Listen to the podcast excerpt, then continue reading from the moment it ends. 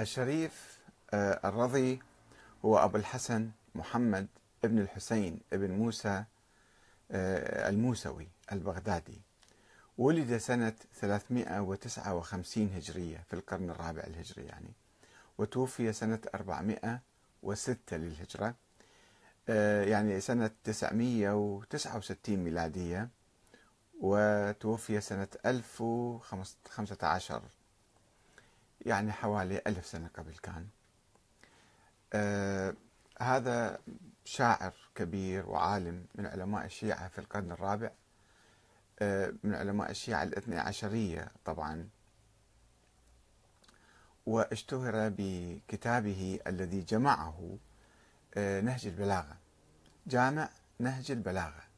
وقد خدم بهذا الكتاب الأمة الإسلامية حقيقة لأنه حفظ تراث الإمام علي بن أبي طالب الذي كان متناثرا بين الكتب وربما الكتب كانت تضيع ويضيع هذا التراث وربما ضاع أيضا قسم كبير من هذا التراث. لم يستطع الشريف الرضي جمع ذلك التراث كله. آه، وجاء آخرون وجمعوا أيضا مستدرك نهج البلاغة مثلا. الخطب والأحاديث التي لم ترد في آه، كتاب نهج البلاغة.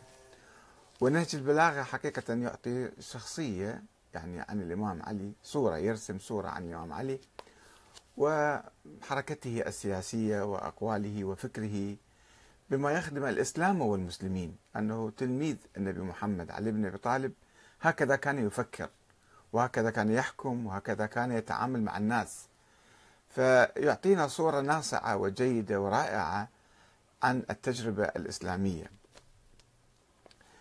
آه، الشريف الرضي آه، رضوان الله عليه هو من مؤسسي المذهب الاثني عشري. المذهب الإمامي ولد في القرن الثاني الهجري في زمن الإمام الباقر والصادق. آه، ونسبت أحاديث إلى هذين الإمامين في تأسيس هذا المذهب. المذهب الإمامي يعني التشيع الديني بعد أن كان التشيع سياسيا ولم يكن يحمل طابعا دينيا أو عقائديا فأصبح في القرن الثاني آه، تشيعا عند فريق من الشيعة طبعا. الحركة العامة الشيعية كانت زيدية. زيدية يعني ما كانوا يؤمنون بنظرية الإمامة الإلهية بالنص والتعيين والعصمة وما إلى ذلك وحصر الإمامة في هذا البطن أو في هذه السلالة السلالة العلوية الحسينية. ثم كما تعرفون أيضا تفرقت الحركة الإمامية إلى عدة حركات وعلى رأسها الإسماعيلية والواقفية. آه، آه، أبو الحسن محمد ابن الحسين يعني الشريف الرضي آه، كان من سلالة موسوية يعني ست أظهر بينه وبين الإمام موسى بن جعفر. آه، يعني حوالي تقريبا قرنين من الزمان هو جاء بعد آه، الإمام موسى بن جعفر حوالي قرنين. وكما يقول في مقدمة كتابه خصائص الإمامة أنه هو كان معروف أو هذه السلالة هاي العائلة كانت معروفة بأنها تنتمي الحركة الواقفية أو الاعتزالية يعني الزيدية. فعندما رآه أحد وهو يزور مقابر قريش الإمام الجواد وكذا استغرب منه وقال له عجب أنت جاي هنا؟ فهو رد قال له أنه هذول أمتي وسادتي. أه ولد في منتصف القرن الرابع الهجري كما قلنا لكم سنة 359 هجرية. آه، وكان ذيك الأيام في صراع صراع سياسي كبير بين الدولة الفاطمية الناشئة الدولة الفاطمية في مصر اللي هم إسماعيليين وإماميين وبين الدولة العباسية. كانوا يقولون بأن الحق بالإمامة لأبناء علي وليس لأبناء العباس. وأيضا كان هناك الشيعة البويهيون الحكام البويهيون يخيمون ويهيمنون على الدولة العباسية على الخلفاء العباسيين. هم الحكم كان بإيدهم تقريبا. وهؤلاء أيضا كانوا يميلون إلى آه، التشيع الزيدي ثم التشيع الإمامي الاثنى عشري. كانوا يعني متذبذبين و آه، في أواسط القرن الرابع الهجري نشأت نظرية الاثنى عشرية. الاثنى عشرية عندما قال الشيعة بوجود إمام ثاني عشر غائب هو ولد الإمام الحسن العسكري وهو آه، الإمام المهدي المنتظر. فالشيعة يعني أغلقوا قائمة الأئمة ب 12 واحد وألفوا قائمة معينة وهذا الثاني عشر وهؤلاء الأئمة. وحذفوا بعض الأئمة الآخرين اللي ما عجبوهم يعني من هنا وهناك. آه، الخلافة العباسية كانت ضعيفة جدا.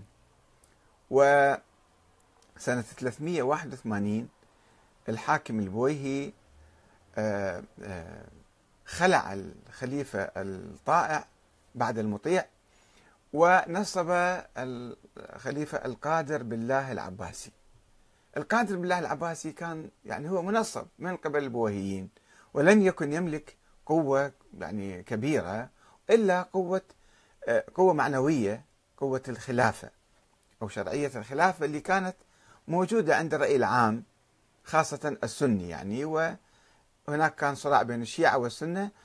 هو آه، لم ليس صراعا طائفيا إنما صراعا سياسيا بين حزبين. حزب آه، يوالي الخليفة الحاكم والنظام الحاكم العباسي وحزب آخر يريد أن يسلب السلطة منه. فإذا كان صراع سياسي وليس صراعا آه، يعني آه، طائفيا مثل ما الآن صراع طائفي ميت. لا الشيعي يعرف ماذا يعني التشيع ولا السني يعرف ماذا يعني تسنن مجرد آه، متوارثين عن آبائهم وأجدادهم. هذه الخلافات. ذيك الأيام في القرن الرابع الخلاف بين الشيعة والسنة كان خلاف حيوي كان خلاف في معنى سياسي. طبعا الحركة الرئيسية المعارضة للعباسيين هم الحركة الفاطمية. الدولة الفاطمية اللي ولدت في تونس وامتدت إلى شمال أفريقيا إلى القاهرة وامتدت إلى الحجاز وإلى الشام وبدأت تمد خيوطها وظلالها إلى العراق حتى والخلفاء العباسيين خافوا. فلذلك هناك احتمال كبير أن الخلفاء العباسيين والقادر بالله هو كان وراء آه، تأليف وتكوين الفرقة الاثنى عشرية. حتى يقول الفاطميين أن أنتم ما عندكم شرعية. الشرعية عند هؤلاء موجودة على الأقل. وهذه الاثنى عشرية كانوا في كنف الخلافة العباسية وكانوا متعاونين معهم. وكانوا يعني متألفين ولم يكونوا في حالة عداء في حالة تعاون. وبحثنا ذلك في حلقات سابقة بالتفصيل وبحثت ذلك في كتابي لماذا تفرق المسلمون الحقيقة والوهم في الخلاف الطائفي؟ الآن أريد أن أتحدث عن دور الشريف